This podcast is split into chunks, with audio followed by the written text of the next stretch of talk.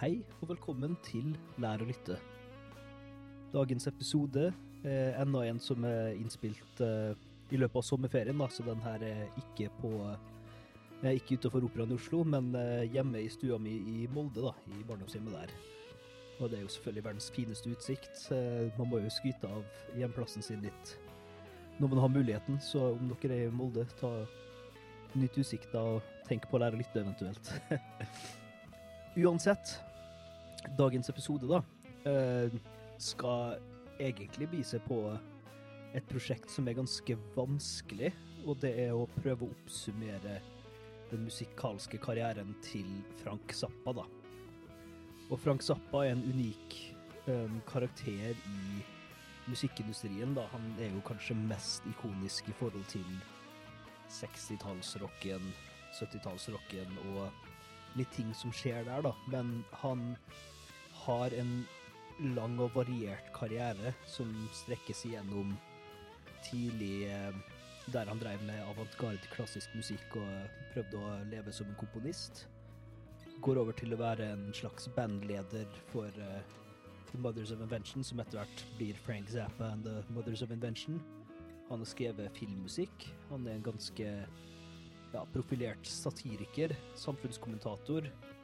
Har drevet med diplomati, faktisk, eh, i eh, diverse land i Øst-Europa, litt sånne ting. Og har jo spilt de fleste musikksjangere som fins, eller i hvert fall brukt impulser i musikken, da. Så det å begi seg ut på å bryte ned en fyr som har lagd så mye, og så mye forskjellig, er jo vanskelig, men uh, jeg og gjesten min, vi har jo da prøvd å gjøre et lite forsøk på å plukke ut noen, uh, noen album da, som kan fungere som et slags uh, representativt utvalg da, som man kan høre på, og så om man da liker det man hører når det gjelder Frank Zappa, da, så kan man jo fråtse i det store, store bakkatalogen med musikk for å videreutforske det her, da. Så Frank Zappa er en interessant karakter. Veldig viktig i musikkhistorien, mener i hvert fall jeg. Og jeg tror alle har godt av å være litt borti den uh, rare karakteren som er Frank Zappa, da. Så med meg i dag har jeg en uh, venn fra musikklinjetida. Han heter Gunnar Sæter og spiller bass i bandet White Tundra, så når du er ferdig med å høre på Zappa, så kan du også sjekke ut White Tundra Band, da. Og eh, han har jo enda bredere dialekt igjen enn det jeg har, så eh, er forberedt på litt sånn ekstra eh, romsdalsk eh, uttrykk, kanskje, men eh, jeg tror alt skal være forståelig. Eh, eventuelt om dere som er fra Østlandet, kanskje, som ikke skjønner alt vi sier, dere kan jo bare si ifra. Send en eh, sint melding eller noe sånt. Det går sikkert fint. Uansett, skal ikke rable så altfor mye lenger. Eh, Introene burde jo ikke være altfor lange. Så da høres vi på andre siden. Da skal jeg ta litt sånn oppsummerende øyeblikk. Lyttes.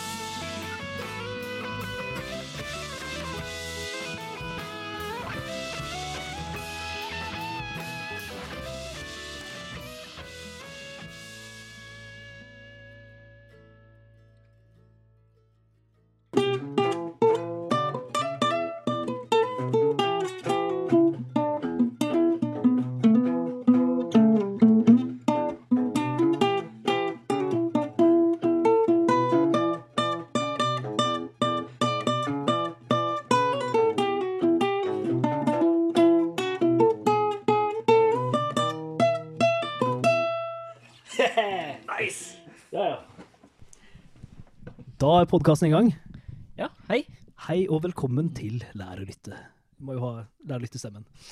Eh, Med meg i dag har i dag Gunnar Sæter. Vi gikk på, eller Han kan jo forklare hvordan vi kjenner hverandre sjøl, kanskje. Ja, jeg og, jeg og Adrian vi gikk nå på Molle videregående i lag. Jeg gikk klassen under den på musikklinja. Vi ble nå veldig godt kjent for at begge to var veldig glad i Zappa. Husker jeg noe, noe som passer veldig godt til dagens tema. Som er Frank Zappa. Ja. Og da kan jo egentlig bare starte med hvordan jeg starta å høre på Frank Zappa sjøl. For jeg vet ikke om jeg husker 100% akkurat når det starta, men jeg tror det var gjennom Steve Vai, da. som er en eh, relativt kjent gitarist innenfor altså gitarnerdmiljøet, da. Og han spilte jo i bandet til Frank Zappa på 80-tallet, var det vel, eh, da han var 18 år gammel. Og han snakka jo mye om også det å auditione for bandet, hvor utfordrende musikken var og sånne ting. Og selvfølgelig da en eh, ung og nerdete musikklinjegitarist tenker jo å, vanskelig musikk, det må jeg høre på. Så det var vel omtrent noe sånt at jeg bare begynte å høre på Frank Zappa, da. Men han har jo en såpass uh, stor og variert eh, katalog at det var vanskelig liksom, å orientere seg. Det er vel 60-70-80 album eller noe sånt ute på Spotify nå, der mesteparten var releasa mens han levde, men likevel, da. Men jeg tror jeg bare begynte liksom fra album én, og prøvde å høre Jeg tror jeg kom til Hot Rats eller noe sånt, um, og så begynte jeg heller bare å utforske litt sånn uh, Ja, album for album, ettersom folk sa hva vi burde høre på, da. Men uh, det som virkelig dro meg til musikken, var jo at det var veldig mye forskjellig som alltid var i spill, da. Om det var avantgarde klassisk musikk, eller om det var bare god gammeldags 70-talls ja, psykadelisk rock eller duop eller hva enn det var. Det var veldig mye variasjon, men det var alltid Zappa, da, på et vis. Så det, det trakk meg til det, da. Og eh, så er det litt sånn av og på, da, man hører litt på Zappa her og der. Eh, går litt i bølger, men eh, det har liksom alltid vært en, i rotasjonen, da, i lyttelista. Mm. Hvordan du begynte å høre på den, da? Nei, det var snarere på Det var litt motsatt i forhold til, til din historie, siden. Mm. Jeg begynte når med å høre på Hørte Zappa først på radioen. Det var noen av Bobby Ah. Brown ble nå alltid spilt på forskjellige radiokanaler, og den sangen er ikke så for det komplisert. Nei. Men det var noe, det at tekster var noe litt grov og grisete, vet du, og det Ja. var noe skikkelig kult. Hvor gammel var du da? Det var Det var typ eh, åttende klasse sirkus. For da, jeg husker Ja. når det var når jeg var 16 og jobba på kirka, så hørte jeg mye på radio mens jeg slo gras. Og det var der jeg hørte den for første gang. hørte jeg. Det var gøy å eh, slå gras utenfor kirka og høre på Bobby Brown. da. Ja, ja, ja, men det var noe bra. da. ja. Og så hørte jeg litt på Joe's Garage, som heller ikke var så komplisert. Så jeg tenkte at den bare var en rolig, litt sånn klassisk rockemusiker. Og så begynte jeg å sette meg litt mer inn i det. det og det hørtes ikke litt uh, likens ut når jeg kom inn på til dømes Hot Rats. Ja. Det var noe andre instrument enn gitar og tromme. Det var noe helt grusomt å høre på i starten. Blasfemi. Ja, ja. Mm. Så var det når jeg fikk gamle iPaden min, nei, iPoden min, som jeg fortsatt har, så for jeg inn på Pirate Bay og lasta ned mange, mange album. Men det var ikke så lett å velge mellom album på Pirate Bay, vet du. Så Nei. det var stort sett liveplate jeg hørte. ja. Gikk du bare etter morsomste tittel, eller? eh? I rett til morsomste tittel. Ja. Og det var så Det var Penguins in Bondage. Kjempeartig tittel. Jeg syns ikke det var sånn en god sang. Nei. Men etter hvert som jeg begynte på musikklinja og begynte å sette pris på litt mer særmusikk, da, Mm. da hørte jeg mye på Zappa, altså. Ja. Mye. Jeg har jo snakka om det litt i en annen episode, med at sånn da jeg starta å spille gitar og ungdomsskoletida og sånn, så var jeg liksom super metalhead bare, og det var, det var det som gjaldt, da. Ja. Var litt sånn lukka, og så mot slutten av ungdomsskolen og selvfølgelig inn i videregående, da. Så åpna det så mye mer, da, og der syns jeg Zappa var en sånn fin eh, måte å åpne meg opp på også, fordi at eh, Han har jo ofte den gitardrevne rockegreia til grunn, Mm. men det er jo så sykt mye annet inni der, da. At eh, du får liksom et utvida perspektiv. Du blir vant til å høre på klarinetter og eh, klassisk slagverk og sånne ting i en rockekontekst, og etter hvert i seg sjøl, og så plutselig sitter du og hører på atonale ja. greier og sånn, da. Det er kanskje det som er fint med Zappa, at uansett hvor det kommer ifra, så ender du alltid opp i en helt denne verden. Selv om Ja. det er en som foretrekker psykedelisk rock, og da kan du kanskje begynne med å høre på Yo Mama, som er litt psykedelisk gitar. Ja. Og så ender du opp i det rare. Ja. Og så liksom bare for å prøve å lage en liten oversikt på gitarnivå kling når vi snakker. Men eh, ja, vi kan kanskje bare gå igjennom litt av livet hans og karrieren hans, så lytterne kan ha en viss idé om liksom eh, det store spennet og bredden sjangere Zappa hadde, da. For at det, det er ganske ja, intimiderende når du går på Spotify og du bare blar gjennom, og det er 80 album, eller hva det er, da. Mm. Og alle har delvis unikt materiale. Så han vokste jo opp på ble jo 50-tallet, cirka. Um, I en sånn industriell liten småby sammen med Captain Beefheart, faktisk. De var ungdomsvenner. Uh, og på den tida var jo Duop det mest populære på radioen, da. Så det er jo type fire pene svarte karer som synger i harmoni med duop changes. Eh, jeg kan jo spille denne akkordprogresjonen, for så vidt. Kan du duop changes? Nei. Um, så det var en akkordprogresjon som alle duoppsanger hadde, da, som er Ja, ja, ja, ja, ja, ja.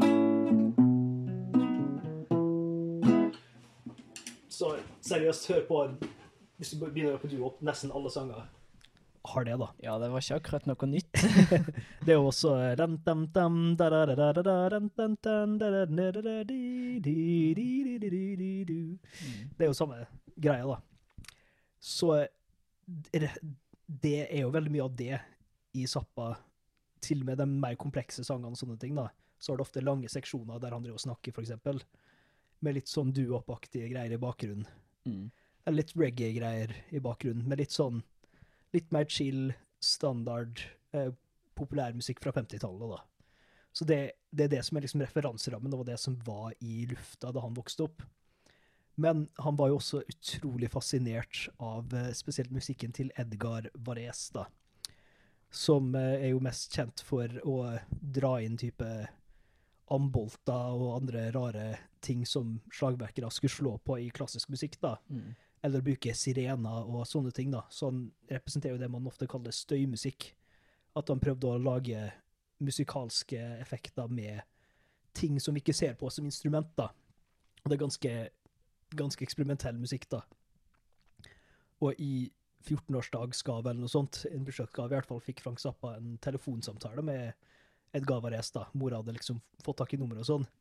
Men da han ringte, så tror jeg bare kona var hjemme. Men han fikk snakka med en på et eller annet tidspunkt seinere, da. Så da har du liksom duo opp og avantgarde, eksperimentell, klassisk musikk. Og så begynner jo rocken å komme litt på banen, da. Så han begynner jo å spille gitar, men han spilte trommer først, da. Men han blir også ganske god i mye blues først, da. Og det hører du ganske godt i improvisasjonen hans. Men også litt mer klassisk rock, for det begynner jo å vokse fram på det tidspunktet her, da.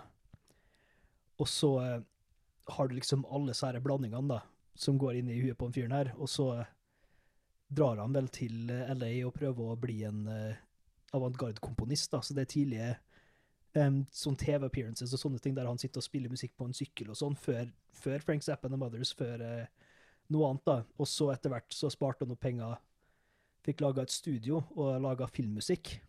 Og så ble han arrestert fordi at han hadde så pornografiske titler på sangene sine at folk trodde han laga pornofilm, da. Men egentlig var det bare soundtracks til eh, eksperimentelle kunstfilmer, da. Og eh, det var der han da blei med i The Mothers of Invention, og etter hvert tok over, egentlig blei frontmannen til bandet. Og så etter hvert eh, eh, roterte jo medlem litt ut, og så var det egentlig bare Frank Zappa-bandet, da. Og etter det så har du på en måte æraen der Frank Zappa er mest kjent, da. Fra det er vel sikkert midten av 60-tallet, tror jeg, til eh, 90-tallet, da han døde, da, så har han jo bare turnert rundt med forskjellige band med litt sånn roterende medlem inn og ut. Så veldig mange folk har jo spilt med han, da, men eh, ja Kan kanskje ramse opp en liten liste med hvem som har spilt med han som er kjent. Kjenner du på noe med en gang, eller? Ja, først jeg kjempa er Ike Willis, Mhm. og det, det er nok han som er den, syns jeg, da, den mest verdifulle medlemmet Zappa jeg har hatt. Ja. For når jeg, jeg og du har nå sett uh, Dweezil-Zappa før, Mm. det var vel når han spilte Hot Rats. Mm. Men når jeg hører på gamle Zappa-plater som, er- som er spilt live, så er en av stemmene til Ike Willis noe som løfter konserten så Ja. høyt opp. Det, det er jo viktig å ha Altså i livealbumet, det tar vi jo når vi snakker om You Can't Mm. Do That On Stage Anymore, da, men uh, det er jo veldig mye humor og teater i stemmebruken, da, som er, er ikke lett å få til, da. Eh, Du har jo en del kjente trommiser, har jo for så vidt spilt med han da. Ja. Du har jo Vinnie Kaluta har jo spilt med han. Terry Mm. Bossio er jo kjent for å spille The Black Page. Mm. Steve Vai, som vi nevnte før. Um, Frank Gambale tror de også spilte med han på et tidspunkt. Når det er snakk om gitarister, da. Um, du har jo Billy Preston på keyboard. Og eh, Ja, altså, det er jo tonnevis andre. Ja, ja. Ruth Underwood, eh, som spilte jo slagverk. Veldig gans altså mye avansert eh, for slagverk, da. Mm. Um, så det kommer godt med. Også, er det er jo bare å se en liste, liksom. Det er Ja. utrolig mange Det er litt som Miles Davis i jazzen, da.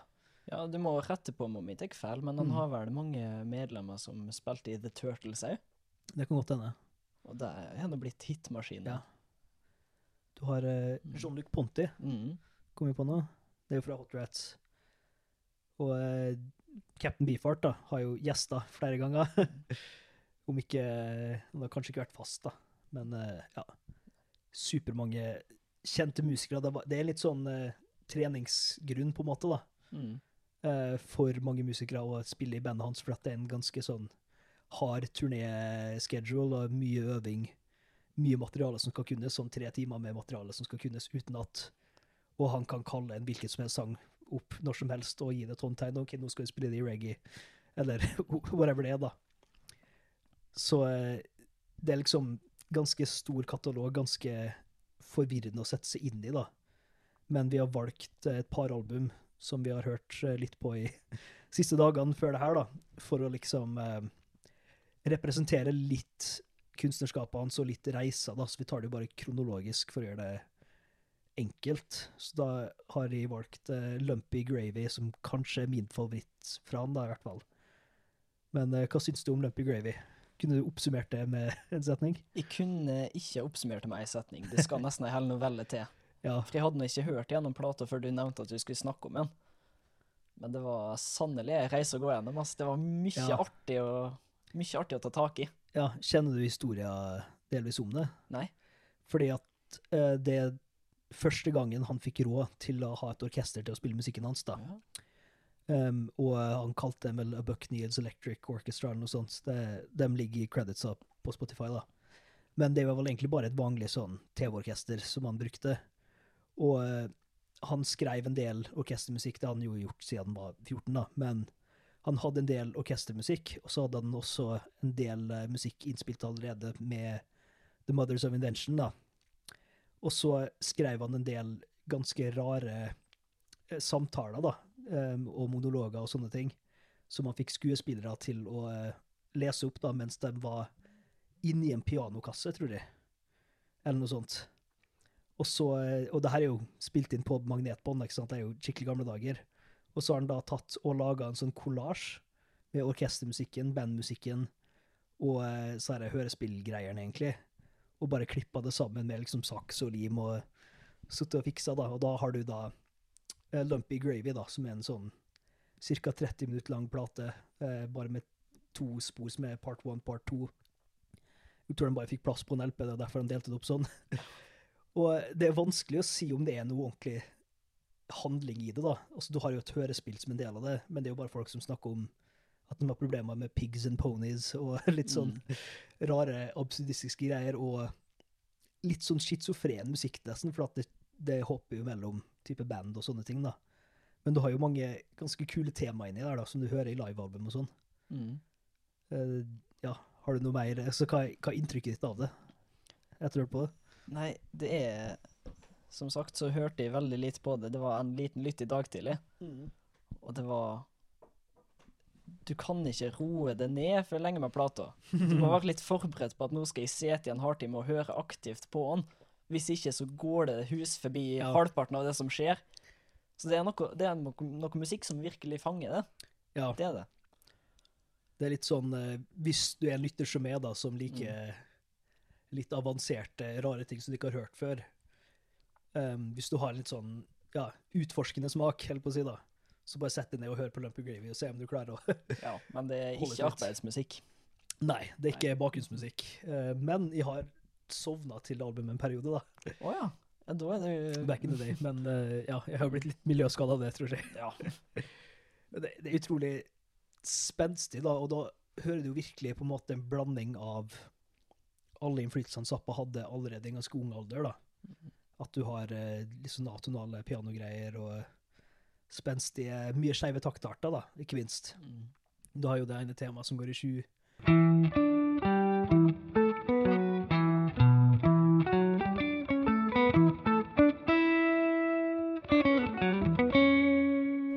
du sikkert Jeg kan sikkert ta og spille det inn etterpå, så det høres litt bedre ut enn nøysing. Men veldig gøy tema, da, og det går litt igjen. Og så har du plenty med andre verdt å sjekke ut, da. Ja. Men så går vi jo da fra Zappa før tror, Det er vel før første albumet til The Mothers òg, tror jeg. Men eh, litt lenger ut i karrieren, da. Når eh, Frank Zappa går litt vekk fra The Mothers of Invention og heller bare døper om bandet til Frank Zappa, da, som en soloartist. Så kommer da Hot Rats. Og eh, du kan jo snakke om Hot Rats eh, sikkert i timevis, du, eller? Ja, jeg har mye jeg kan si om den plata. Mm. Det, det Sånn er- sjangermessig kanskje først, da? Eller? Sjangermessig, det, det kan nesten du ta, tror jeg. Ja. jeg. Vil jo si at det er der han virkelig går inn for jazzen, da. Mm. At det er mye mer improvisasjonsbasert og jam-basert enn før. Det er ikke så mye nedskrevet. Det er jo også, hvis du hører på Peaches and Regalia, da, som er åpningslåta, der er det jo veldig gjennomkomponert, men i resten av plata er jo veldig mye mer jamming og improvisasjon, da. Så det er der du har John Luc Ponty, som er fiolinist, eh, som er med for det første, da. Men ja, litt mer improbasert, jazzinspirert, men fortsatt Zappa-musikk, da. Det var noe veldig nylig der slapp mange øvingsteiper Mhm. fra den plata. Jeg tror det var i fjor eller i forrige fjor det kom ut. Ja, det var vel uh, ju jubileum for plata, tror jeg. Ja, det var på jubileet, så da slapp det noe mange opptak, og du hører nå bare fra øvingene hvor mye som ikke ble med på siste innspillinga. Mm. Og det sier litt om hvor gode de har vært på det med improvisasjon. Ja. For ikke å snakke om når de spiller en live, hvordan det alltid er forskjellige instrument til å spille Ja. introen på, på Peaches and Regalia. da. De har vel hatt alt ifra Lindsay Stirling spilte den på fiolin live en gang med Ja. Dweezil. Å, nice. Er det- Dweezil, by the way, er sønnen til Frank Zappa, som turnerer med musikkdans eh, for øyeblikket, da. Ja, lurt sagt. er Verdt å nevne. Mm. Men du, du har det med at han eh, Altså at vi har øvingstapes og sånn òg. Mm. Det er liksom et kjennetegn med Zappa, da, at han tok opp veldig mye. Han tok opp veldig mange øvelser, nesten alle live performances, og opptrådte ofte med veldig forskjellig sammensetning i bandet, da, men med samme komposisjonene, da. Som er delvis grunnen til at vi har så mange album som vi har, da. For at de har jo et digert arkiv med musikk som familien hans fortsatt um, har, da. Og eh, fortsatt slipper musikk, da, fordi at det er så mye som ligger der, da. Ja, som kan Ja. Det er noen en veldig positiv ting, det, men jeg tenker når på Willy the Pimp fra Hot Rats, som blir sunget av Captain Beefheart Den er gøy. Hvis du skal finne den live, og du har lyst til å høre og du har lyst til å høre Captain Beefheart synge, så finner du ikke det. Nei. Du finner veldig mange andre som synger, men det er ingen som klarer å komme på det nivået til Beefheart, og det, det blir litt vemodig av det, nesten. Ja. Men da får du òg sett så mange andre vinklinger og tolkninger av Mm. av vokalen at det Ja, jeg merker det. Det er jo plata som er etterpå, der du har eh, sangen Big Swifty. Eh, jeg har hørt veldig mange live-versjoner av den nå, rundt omkring. Men jeg syns ingen får det til like tight som i studioinnspillinga. Dessverre. Som er litt sånn, ja eh, Jeg jeg lurer på om Zappa hadde releasa like mye av det som har blitt releasa etter hans død, sjæl, eller om han var Han var ganske perfeksjonist, så det er ikke sikkert han hadde tatt med alt, da. Nei, det tror jeg ikke heller. Men også eh, originalplata Hot Rats er i hvert fall veldig gøy å høre på, da. Uansett. For at du har en del uh, utforskinger, selvfølgelig, med rytmikk og sånne ting, men ikke, ikke i nærheten av The Black Page. Men, eh, men likevel en del uh, interessante tema og sånne ting. Og så er ofte improvisasjonsdelene da, litt mer åpne. For at uh, det er der han på en måte går litt vekk fra jazzen på den tida. da. For jazzen på den tida var jo mye mer harmonisk avansert og vanskelig å spille over, mens han tar litt mer den der uh, type The Grateful Dead, Fish-type formen for improvisasjon, eller blues, da, for så vidt. Ja. Der du har en ganske enkel akkordrekke, eller bare én akkord, og så spiller solisten ti minutter, eller whatever det er, oppå det, da, og har en litt mer sånn langformatsflyt på det, og ikke like mye harmonisk utforsking som en jazzmusiker kanskje ville hatt. da. Men det har jo sin appell òg, og det kan være enklere for noen som ikke liker jazzentusiasme, liker improvisasjon, da, å høre på. Ja, for det er mye lettere å sette seg fast i låta når det kun er melodilinja som Mm. er, hoved, eh, som er hovedfokus. Og det Ja. er nå ofte det på Hot Rats, føler jeg. Mm. folk er jo litt mer vant til å høre på melodi enn harmoni, med mindre de er jazzmusikere. da. Ja. Og eh, de fleste i verden er jo ikke jazzmusikere. Nei, takk og lov for det. Og jeg tror de fleste lytterne i Lære å lytte heller ikke er det. Nei. Så Hot Rats skal være en fin plass hvis du er litt sånn instrumentalt eh, inklinert, for at det, er jo, det er jo litt vokal der òg, men det er jo hovedsakelig instrumentalalbum. Ja. Og det er mye jamming, og det, det er litt mer bakgrunnsmusikk også, kan man si. Altså, det er jo verdt å følge med når du hører på, men det går an å ha det i bakgrunnen uten å bli helt crazy, da, og uten å gå glipp av altfor mye. Tenker jeg, da. Ja. Vil du si at det er favorittalbumet ditt, kanskje, eller? Jeg vil ikke si det er favorittalbumet mitt. Nei. Det er lett eh, topp fem. Vi har topp på, ja. på vinyl hjemme, men Mm. Det er noen plater som jeg setter høyere, som er litt mer lettlyttelig. Sånn som Apostrophe? Ikke som Apostrophe, men Apostrophe er nå uten tvil ei veldig enkel plate for deg som ikke er så erfaren med Zappa sin musikk. For det er den neste i lista også, og der går vi også inn i um, perioden eller epoken, da. Altså, igjen, han går jo mellom alle disse stilene hele tida, da. Men uh, det er jo litt mer låter, rett og slett. Det er handling, det er tekst. Det er ikke ti minutter lange soloer. Det er litt mer eh, et album, da. Men det er jo et visst konsept, da. For det har den ofte. Det er, det er et visst konsept, ja. Men jeg, Mm. må, jeg må tørre å gå imot det at det er et album som hovedsakelig består av låter. For Ja. Selv om det er sant i stor grad, du har Uncle Remus, som er en helt fantastisk Det kunne vært en singel Mm. neste. Men det er disse fem første låtene Jeg tror hvis du har lyst til å sette det inn i Apostrophe, Mm. så må du ikke sette det med, med selve plata Apostrophe og høre fra start til slutt. Nei. Du må heller gå inn på liveopptakene, som vi kommer til å snakke om etterpå. Mm. For jeg har hørt det som er en veldig stor kritikk av store Zappa-fans om selve Apostrophe-plata, er at den går veldig tregt, og at sangen ikke er så rask og energifull som det kunne ha vært. Mm. Noe som gjør det veldig lett mottakelig hvis du ikke kan mye om Zappa. Men jeg merker eksempel med første låta som er Don't You Eat That Yellow Snow, og andre låta som er ah, 'Nanocrub Sit'. Ja. Det er en veldig lett overgang. Veldig brå, Ja. men det er, det er vel samme toner sangen går i, nesten. ja, og så er det jo om Nanook fortsatt. Mm f- Hele starten Mm. av plata handler om Nanook og selen som firhjuling. Mm. Eh, veldig mange Mm. Hvis man først begynner å følge med på tekstene til Zappa, så legger man i merke til at han lager ganske ville fantasiverdener, kan man si. Ganske interessante handlinger, da. Ja. Eh, så ja, Nanook som er en eskimo som eh, Mm. slåss mot en sel og eh, ikke skal spise gul snø og alt mulig rart, da. Eller Bobby Brown, som de fleste nordmenn har hørt. Ja. ja. Så det er nå det som er første halvdelen av plata. Den Mm. andre halvdelen av plata, der er derimot hvor enkeltsangene kommer inn. Ja. Jeg har allerede nevnt Uncle Remus, som har en helt Mm. fantastisk pianointro. Ja, fytti rakkeren. Og det er, det er rett og slett en låt som Den kunne blitt spilt mye mer på radioen, syns jeg, Ja, men uh, men jeg tror Zappa, Zappa og radioen har jo en, et langt forhold også, for så vidt, med Ja. Eh, sensur og sånne ting. Men det, det kan jo folk ta på egen hånd. Eh, men i hvert fall eh, Det som er med den delen av Zappa sitt virke, da, at du har, du har jo også en del album som har handling, som har tekster som ikke er like improvisasjonsbaserte, da. mm, Sånn som Apostrophe, som er en fin plass å starte. Du har jo også Shake Your Booty, for eksempel, eller We're in it, Only In It For The Money, ja. Um, og haugevis med andre plater, uh, for så vidt gjennom hele karrieren, da. Der uh, man kan på en måte si at det er litt mer pop.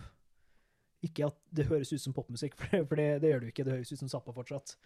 Og du har jo alle de interessante elementene med rare taktarter og uh, Mm. vanskelige rytmer og bitonaler og akkorder og alt mulig rart, men det, det er jo ofte et refreng i sangen.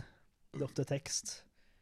Og eh, det er ofte en handling. Av og til er det jo konseptalbum, som man kanskje har litt fra tida som filmkomponist også, da.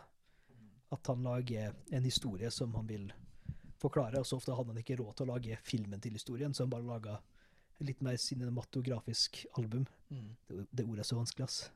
Cinematografisk. Cinemato... Ja. Vi skal ikke forsøke. nei, nei. Men eh, altså, Apostrophe er jo gøy, da. Det er kjempegøy plate, Mm. men det er, den er litt treg.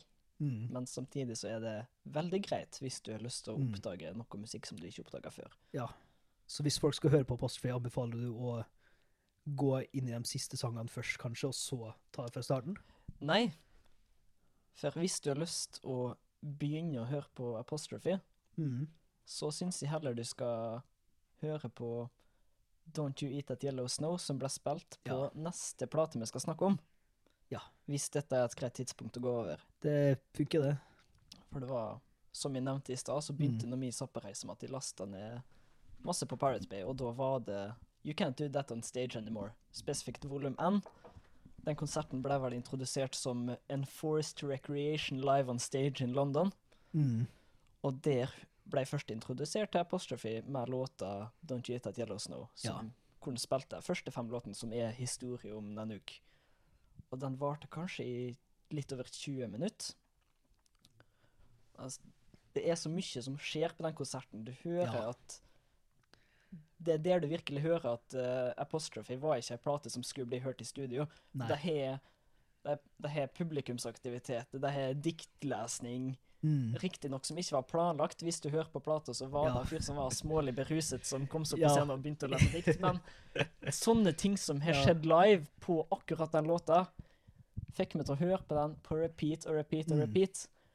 Og når jeg kom tilbake til Apostrophe, gud vet hvor mange år etterpå, så Mm. har ikke det samme effekten, altså. Jeg hørte temaet som kom inn, Ja. men det er det er litt derfor jeg har et så godt forhold Ja. til You Can't Do That On Stage Anymore. Mm. For det er virkelig ting som ikke skjer på scenen nå i dag, Nei, hvis du får på konsert. Det, det er litt annerledes det i Mm, dag. det spiller ting bedre, og det er mye mer du, merk, du merker nå at bandet har øvd inn sangene så godt når de kan stå og vampe på et riff i tre minutter ja. fordi de skal finne på noe artig de vil gjøre. Ja, ja. Og Zappa er også veldig kjent for å ha en del avanserte håndtegn han ga til bandet Ja. for å kunne gjøre sånne ting på scenen. da. Så det er Mhm. ganske utrolig å ha musikere som har kombinasjon av at de kan eh, bladlese en del vanskelig notert musikk, Mm. men også improvisere og vampe og følge håndtegn og bare jamme og gruve Mm. ved siden av det, da, og være såpass spontane. Mange har jo interessante, store personligheter som da blir karakterer i historiene som blir spilt på scenen og sånne ting, da. Ja. Og eh, det er veldig gøy å høre livealbumet, og det er kanskje Jeg har ikke telt, men jeg tror det er hovedparten av alle de 80 eller hva det er albumene på Spotify, er jo bare forskjellige liveopptak, for han tok jo opp nesten alt når han dro på turné. Så han hadde jo en god samling med ting som aldri var gitt ut em, etter han døde på 90-tallet, da. Og, eh, så det har jo kommet mye sider, men også You Can't Do That On Stage Anymore. Det er jo volum 1, 2, 3, 4 og 5. Mm. Så det er ganske mange, og så har du haugevis med andre livealbum som er veldig bra også, da. ja. Men jeg vil på det sterkeste anbefale Mm. første volumet. Og der hadde nå en fin plass å starte. Der hadde nå Ike Willis, Mm. som gjør det så mye bedre enn det. Ja. Ja, for han er jo den ja, mest karismatiske historiefortelleren der, kanskje. Uten tvil. Til og med mer enn Zappa, kanskje. Mm. Og han, han er jo ganske han, han trekker liksom ikke oppmerksomheten like mye når han snakker, men når Zappa snakker, så høres det ut som han har et digert glis inni, inni seg hele tida. Han er alltid sånn halvironisk, liksom. Ja. Det er ganske Han- fascinerende. Han har vel vært med og sunget et par sanger Why Does It Hurt When I Pee, til dømes, men ellers så er han en stjerne å ha på den liveplata ja. der. Zappa-titler. På slutten så må vi bare ramse opp morsomme låttitler. Ja. Eh, Det kan bli en bra avslutning. Men så eh, You Can't Do That On Stage Anymore volum 1 er jo en fin plass å starte hvis du har lyst til å ha et mer inntrykk av hvordan det var å høre Zappa live, da. Og eventuelt da se på Zappa Play Zappa når konserter er lov å ha igjen, da. For at sønnen hans turnerer jo ofte med originale bandmedlem og spiller musikken. Så senest da Hot Rats hadde jubileum, så spilte de jo musikken til Hot Rats med mange av folka som var med på plata, da. Ja. Og du- turnerte med det, da. Men du kan ikke kalle det Zappa Play Zappa lenger. Nei, fordi at han får ikke lov til å bruke sitt eget navn. Nei.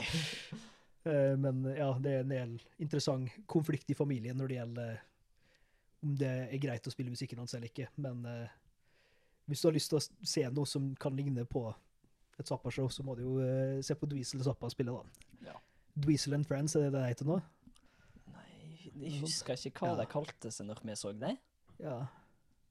I hvert fall. Mm.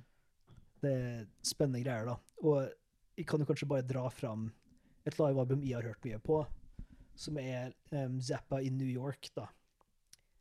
Uh, og der har du jo en versjon av The Black Page, for at de lærte jo den for noen år siden, da, Uh, så jeg har hørt mest på den, da. Men også den konserten syns jeg er utrolig fin, bare med måten alt virkelig glir så bra sammen, da. At du har eh, virkelig et bra gjennomført band, spesielt The Black Page, som er for øvrig en trommesolo, egentlig, som er skrevet fordi trommisen sa kan du ikke skrive noe vanskelig musikk da, Frank, det er altfor lett. Så kom han og skrev eh, noe ganske avanserte rytmer, jeg trenger ikke forklare det her, men veldig avansert rytmisk eh, trommesolo, da. Så hvis du går fra dem tror jeg, tre sanger eller noe sånt før det står et Black Page drum solo, da, så har du bare sånn der langt sett med masse musikk. Så slutter én sang med en trommesolo, som går inn i The Black Page-trommesoloen, og så Mm. kommer bandet inn og spiller den melodiserte versjonen av The Black Page, da, og det, det er magisk album, det også. Ja, jeg har hørt den sjøl. Det er, det er fantastisk lytting. Ja, ja, altså Frank Zappa live er jo kanskje det gøyeste um, å høre på, da, um, på et vis. Og da kan vi hoppe inn i siste album vi valgte, som også er jo et livealbum, men veldig annerledes livealbum, der Frank Zappa ikke spiller sjøl, nemlig The Yellow Shark, Ja. som ble gitt ut ganske tett opp til da han døde. Og det er rett og slett en innspilling av en klassisk konsert, med musikk som eh, Frank Zappa skrev og orkestrerte for orkester. Og det var vel eh, å, Jeg husker ikke akkurat hvor det ble spilt inn, men en plass i Øst-Europa i hvert fall. Og på det tidspunktet var han jo ganske kreftsyk, men han reiste ned og deltok og dirigerte et par av numrene eh, på første konserten, for at eh, albumet er jo opptak av to konserter satt sammen. da. Um, så han introduserer jo i starten av plata og dirigerer de første par numrene. Så lurer på om det er Pierre Boulez faktisk som dirigerer resten. Det må jeg ja. ta det i faktasjekken etterpå. Han har i hvert fall dirigert Zappa. Det har han, da. Men det er her du på en måte går litt nesten full circle tilbake til hans tidlige inspirasjoner, som er Edgar Varese og mer avantgarde klassisk musikk, da. Sånn som hvis du er en klassisk musikklytter, og du har lyst til å høre på Zappa, da er en veldig fin plass å starte The Yellow Shark. Og så kanskje gå inn i et par av de andre klassiske albumene, og så inn i livealbumet, og så tilbake til type Apostrophe og eh, Hot Rats og sånne ting, da, hvis du har lyst til å lære å lytte til den musikken, da. Det skal bli drikkespill, skjønner du. Hver gang jeg sier lærer å lytte, så må folk oh, yeah. Men uh, The Yellow Shark, det jeg digger med Altså, jeg har hørt ganske mye på en plate. Jeg skrev en omtale om den da jeg hadde det uh, ukentlige albumprosjektet også. Men det starter jo ganske accessible, kan man si, da. At du har litt mer veldig glad musikk. Um, litt mer av det kanskje man forventer når en rocke- slash jazzmusiker arrangerer for orkester, da, ikke sant? Men så er ikke jeg midtpunktet av konserten der bare Å ja. Frank Zappa var jo faktisk interessert i moderne klassisk komposisjon. Ja. Det kan vi høre. Og jeg, jeg hører jo veldig mye Stravinskij-musikken sjøl, i hvert fall. Eh, Det er jo selvfølgelig en del Edgar Varez-inspirerte ting der også. Og så mye unikt som skjer der også, da. Men han har jo en veldig stor forskjellighet for um, slagverkinstrument, og eh, treblås da spesielt. Så det er en del obo og eh, klarinett og litt sånne ting. Og så har du også eh, et par eh, vokalister som eh, har ganske sånne eksperimentelle, spresgesangaktige greier Mm. med syngesnakking. Um, og mye sånt, da. Så det er litt mer for den skal si, vinsippende klassiske lytteren, da. å gå inn i det albumet her, for at du får virkelig et annet perspektiv på Zappa. Og hvis du er en blodsappa-fan, men aldri hørt på det klassiske, gjør det. Ja. Jeg nevnte nå i stad, når vi Mm. satt og hørte på en, at uh, det var vel Dog Breath Variations vi hørte Ja, på, ja. som minte meg litt om en Caprino-film. Ja, For du får litt sånn veldig glad kjensle i kroppen, ja. hvor du kan gå langs en sti og høre på noe. Jeg tror Dog Breath Variations også er basert på et av filmscora hans. Ja. Jeg er ikke sikker, da. Jeg tror det kommer fra Uncle Meat eller noe sånt, men Mm. um, altså Dog Breath Variations kommer jo på en del liveplater også, selvfølgelig. Um, oi, ja. Kaffekopp. Skål. Uh, fordi at uh, Zappa bruker jo en del materiale på nytt, ikke sant, og arrangerer det om. Og så tror jeg det også var et par av stykkene som var originalkomposisjoner til den konserten. men uh, jeg er litt usikker. Det er en uh, veldig fin nettside som vi kan lenke til i beskrivelsen, der en fyr har eh, sikkert brukt hele livet sitt på å eh, analysere musikken til Zappa, da, og sitte og bruke eh, Han greier å få tak i originalmanuskript av forskjellige noter, og arrangere type akkorder, rytmer og sånne ting som Frank Zappa bruker og er veldig obsessed med, da, og trekker det gjennom flere album. Og virkelig sånn, hvis du vil ordentlig, ordentlig ordentlig musikknerd, så går du på den Mm. nettsida. Jeg tror det er zappaanalysis.com eller noe sånt skal finne det fram. Men uh, der kan du jo se originalnoter som han har skrevet på ting. For han satt jo alltid og skrev Ja. på papir uh, nye ideer mens han var på turné i backstage overalt, liksom. Og uh, man hører jo litt sånn kulminasjon på mange måter i The Yellow Shark, da. At OK, her har vi litt mer heftige låter, sånn som G-Spot Tornado eller Dog Breath Variations. Også gøye navn. og så har du liksom erkeklassiske, eksperimentelle klassiske, selvfølgelig, verk i midten, med en unik karakter av han, da, og teatralske og vokalnummer og alt det der da, i ett. Også med litt sånn humoristiske publikumsinteraksjoner med The Word of the Day is, og så spiller en Serena av litt sånne morsomme ting, da. Altså, du har eh, Jeg digger jo selvfølgelig det mer eksperimentelle av Zappa. Altså, The Yellow Shark er nok også en av de topp eh, topp fem-album, da. Mm. For min del, i hvert fall. Hva du syns om albumet? Jeg syns det er helt fantastisk plate.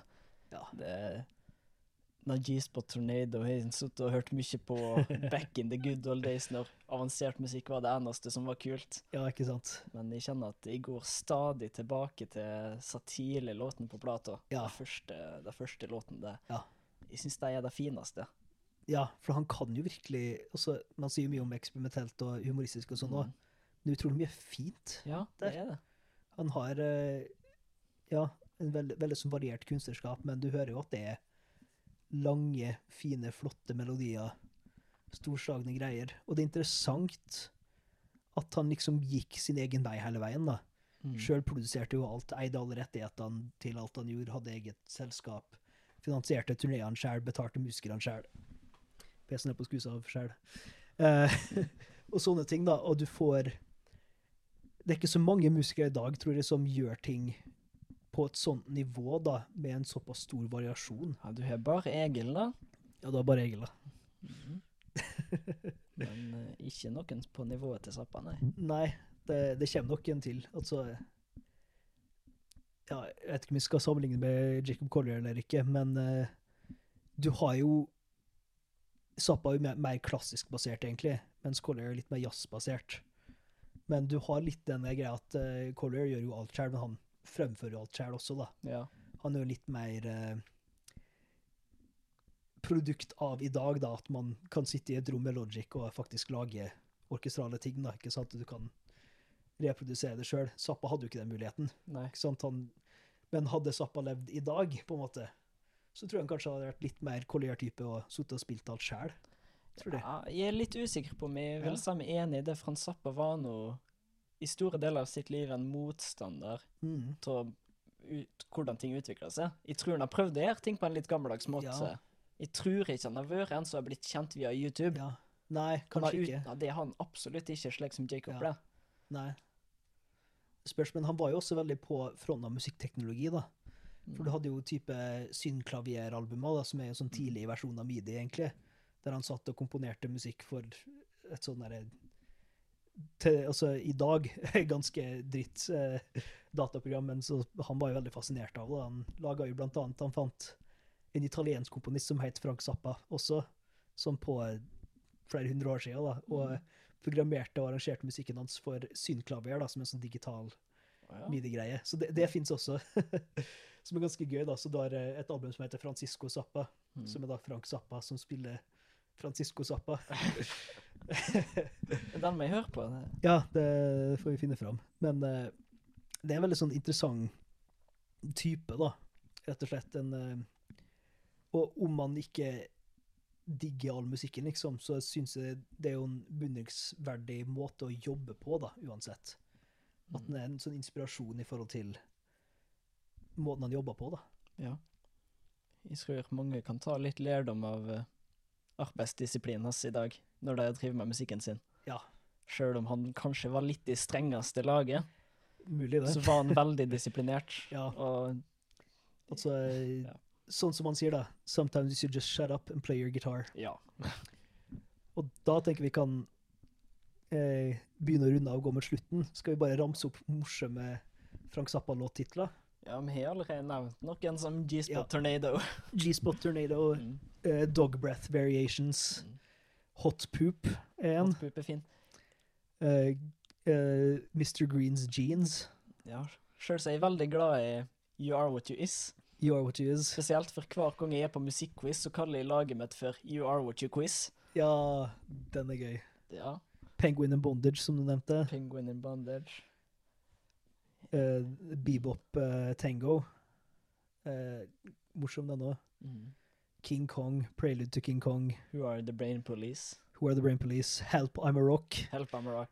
Den er fin. Går inn litt tidligere, og sånne ting, da. Mm.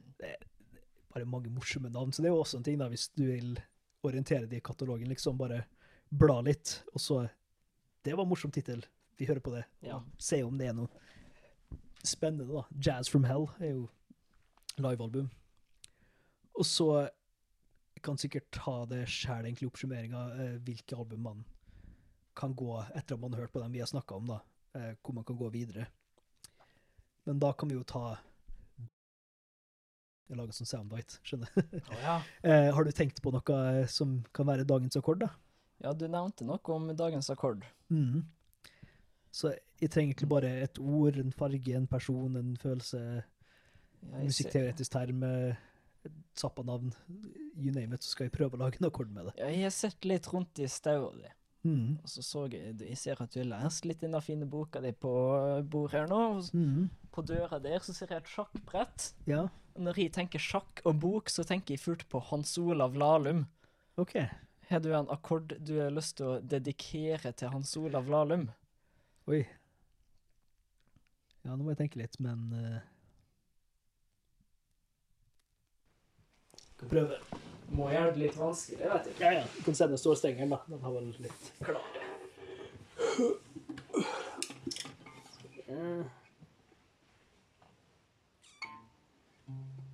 Skal vi se her Funker det? Ja. kanskje sånn halvveis. Halvveis. Ikke fornøyd? Det var noe fi, det var noe fin. Men jeg føler ikke han passer alltid hans humoristiske væremåte. Nei, det er det, da. Men det er ikke så lett å Den var bedre. Den var fin. Den bedre. Spill den du.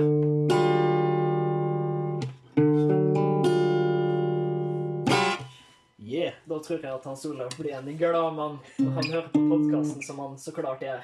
Har du lyst til å lage en akkord til han også? Uff, nå setter vi veldig på pinebenken her. Jeg skulle ønske jeg kunne spille akkorder. Kan du bare lage noe? Det er nå det alle musikere gjør, er det ikke det? Hans Olav, lager noe. Spill. Nå må jeg tenke meg litt om her. Dagens akkord. Uh,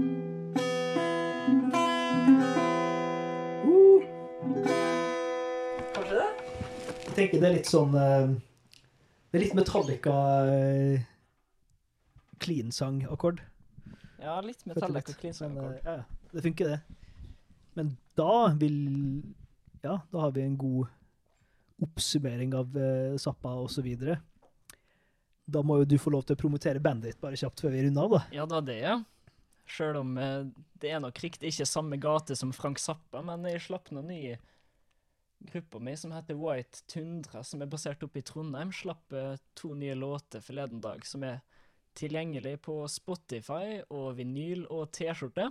Mm. Den heter For honningfella. Litt god gammeldags steinarmetall. Ja. Basert på litt gammeldags 90-talls. Typ Kaius Monster Magnet, mm. Red Fang. Kan sikkert ta en eh, episode litt mer om den type musikk også en gang seinere. Og der spiller du bass. Og der spiller jeg bass. Uh, har du lyst til å dele soundclouden din nå, eller? Ja, Soundclouden min. Det er jo litt morsomme eksperiment der òg. Ja, jeg er nødt til å begynne å legge ut litt mer musikk eh, på jobben og der, men eh, Mm. jeg har en Soundcloud som heter for Jernskogstrioene. Der jeg legger ut eh, alt som jeg har lyst til å legge ut når jeg sitter på rommet mitt og har tilgang til gitar, mikrofon og gjerne en halvliter øl. Ja. Og det er ingenting som er virtuos der, men det er for det artig å lage. Og det er det viktigste, Det er det viktigste. tenker. Så da har vi lært å lytte til Frank Zappa. Da ses vi på andre siden. Jeg har nok en liten avslutning på det også, men uh, takk for at du var med, Gunnar. Ja, tusen takk for invitasjonen. Det var trivelig. Mm. Uh, jeg kommer til å tvinge Gunnar med på flere episoder, så uh, forvent mer. Ja, stakkars Yes. folk. Skål. Skål. Og det konkluderer da samtalen om Frank Zappa og en, eh, et forsøk på en ja, innføring i musikken til eh, han fyren her, da. Jeg skal ta bare litt sånn Den tar vi på nytt, kanskje. Og det konkluderer min samtale med Gunnar om Frank Zappa og et forsøk på å lage en slags oversikt over musikken hans, da. Det kan godt hende at i framtida en gang at det blir eh, litt mer dedikerte episoder til spesifikke Frank Zappa-ting. Om vi får tida, kanskje en Frank Zappa-måned Frank Zappa-februar eller noe sånt. Det får vi se i framtida. Skal bare ta litt sånn eh, fakta og opplysningsting på slutten her. Nevnte jo litt uh, inn i samtalen om uh, sønnen til Frank Zappa Dweezil, og at han ikke fikk lov til å bruke navnet Zappa Play Zappa på turné og litt sånne ting. Og det har vært litt sånn pågående etter uh, døden til kona til Frank Zappa, eh, med akkurat eh, hvordan eh, barna til Frank Zappa skulle ja, forvalte musikken og navnet til Frank Zappa, da. Men de har faktisk forsona sine forskjeller og gått under én front da igjen i 2018. Så nå jobber de jo sammen med med å fortsette å formidle musikken og sånne ting, og alle har jo et sterkt ønske om å spre eh, ja, spre kunstnerskapet til sin far videre, men de hadde en god stund litt eh, uenigheter i akkurat hvordan det skulle gjøres, da, men eh, de er på god talefot for øyeblikket. Videre så var det jo om eh, The Yellow Shark, og eh, der nevnte jeg at Pierre Boulez var han som dirigerte det. Og eh, det stemmer ikke, det er Peter Rundel som er dirigent for eh, det albumet. Men Pierre Boulez har um, innspilt noe Frank Zappa-musikk på et annet album, da. Og det ble innspilt i Frankfurt, Berlin og Wien. Og så kanskje et litt sånn fremmed, eh, fremmedord, fagord, som eh, ikke alle er like innført med. De sa jo at den har en forkjærlighet, så Frank Zappa har en forkjærlighet for slagverkinstrument. Og det er egentlig bare eh, navnet på gruppa med instrument som man kan slå på for å lage lyd, altså trommer og eh, melodisk slagverk, som er ting som marimba eller vibrafon, som du også slår på med trommestikker, men de har toner, da. Så slagverk er jo en ganske brei kategori av instrument, men alle sammen var noe som Frank Zappa var glad i å bruke, da. Så nevnte jeg også eh, Francisco Zappa, den italienske komponisten. Han heter visst Francesco Zappa, var nesten riktig. Og han levde, han komponerte musikk da, mellom eh, 1763 og 1788. Og Frank Zappa laga et album med synklaver som en tidlig digital synthesizer, da. Og han laga et album med musikken til Francesco Zappa med synklaver i 1984. Og så kan man jo kanskje avslutte da med å bare kjapt gå gjennom albumene vi har snakka om, og hvordan du kan ja, lære å lytte til Frank Zappa. For det er jo som sagt veldig variert, så jeg tror jeg kan gi anbefaling basert på din generelle lytting, da. Og da kan man jo si at eh, om du er veldig klassisk musikkorientert, da, du liker spesielt litt sånn mer spenstig, moderne klassisk musikk, orkestermusikk, litt store ting, så er jo The Yellow Shark en fin plass å starte. Han har jo også gitt ut et album med London Symphony Orchestra, men jeg tror eh, The Yellow Shark er kanskje litt enklere å starte med. Um, London Symphony Orchestra-albumet er enda mer uh, avantgarde, kan man si. da. Veldig fint det òg, da, så det er verdt å sjekke ut. Ellers for en mer generell, kanskje litt mer rockeorientert musikklytter, så er jo alle livealbum en fin plass å starte, for at du får et bredt spekter av det Frank Zappa er, da. Så da kan man enten starte med You Can't Do That On Stage Anymore volum 1, som eh, Gunnar har hørt mye på. Eventuelt også Zappa in New York, som vi har hørt en del på også, er veldig fine plasser å starte, da. Og da får du litt sånn multimann-Zappa servert på et annet vis, da. Og om du er litt sånn ja, interessert i rar musikk, like rare ting, nye ting som du aldri har hørt noe lignende før, så vil jeg si at Lumpy Gravy er plassen å starte, da. Det er kanskje det rareste albumet Frank Zappa har lagd, og eh, jeg elsker det veldig mye og vil gjerne at eh, flere hører på det, så sjekk ut Lumpy Gravy. Om du er kanskje litt mer pop, um, ja, poporientert og litt sånne ting, så går det an å ta Apostrophe, da, som vi snakka litt om. Og eh, Gunnar nevner jo også at eh, man burde høre på sangene i litt forskjellige rekkefølger og høre liveklipp og sånne ting. Så om du kanskje hører på You Can't Do That On Stage Anymore, og så hører på Apostrophe etterpå og kjenner igjen sangene, hvordan ting er annerledes, og litt sånne ting, da, så vil du få et interessant perspektiv på musikken der. Så med det så tenker jeg vi skal ikke strekke der altfor langt, det er jo bedre med korte og konsise episoder. Sjekk ut musikken til Frank Zappa, og takk til Gunnar som var med og hjalp meg å bryte det ned litt. Eh, sjekk ut eh, han på Soundcloud, skal legge det i beskrivelsen, og sjekk ut bandet hans White Tundra også. Litt annerledes enn Zappa, men kul musikk likevel. Og da ses vi i neste episode. Vi lyttes.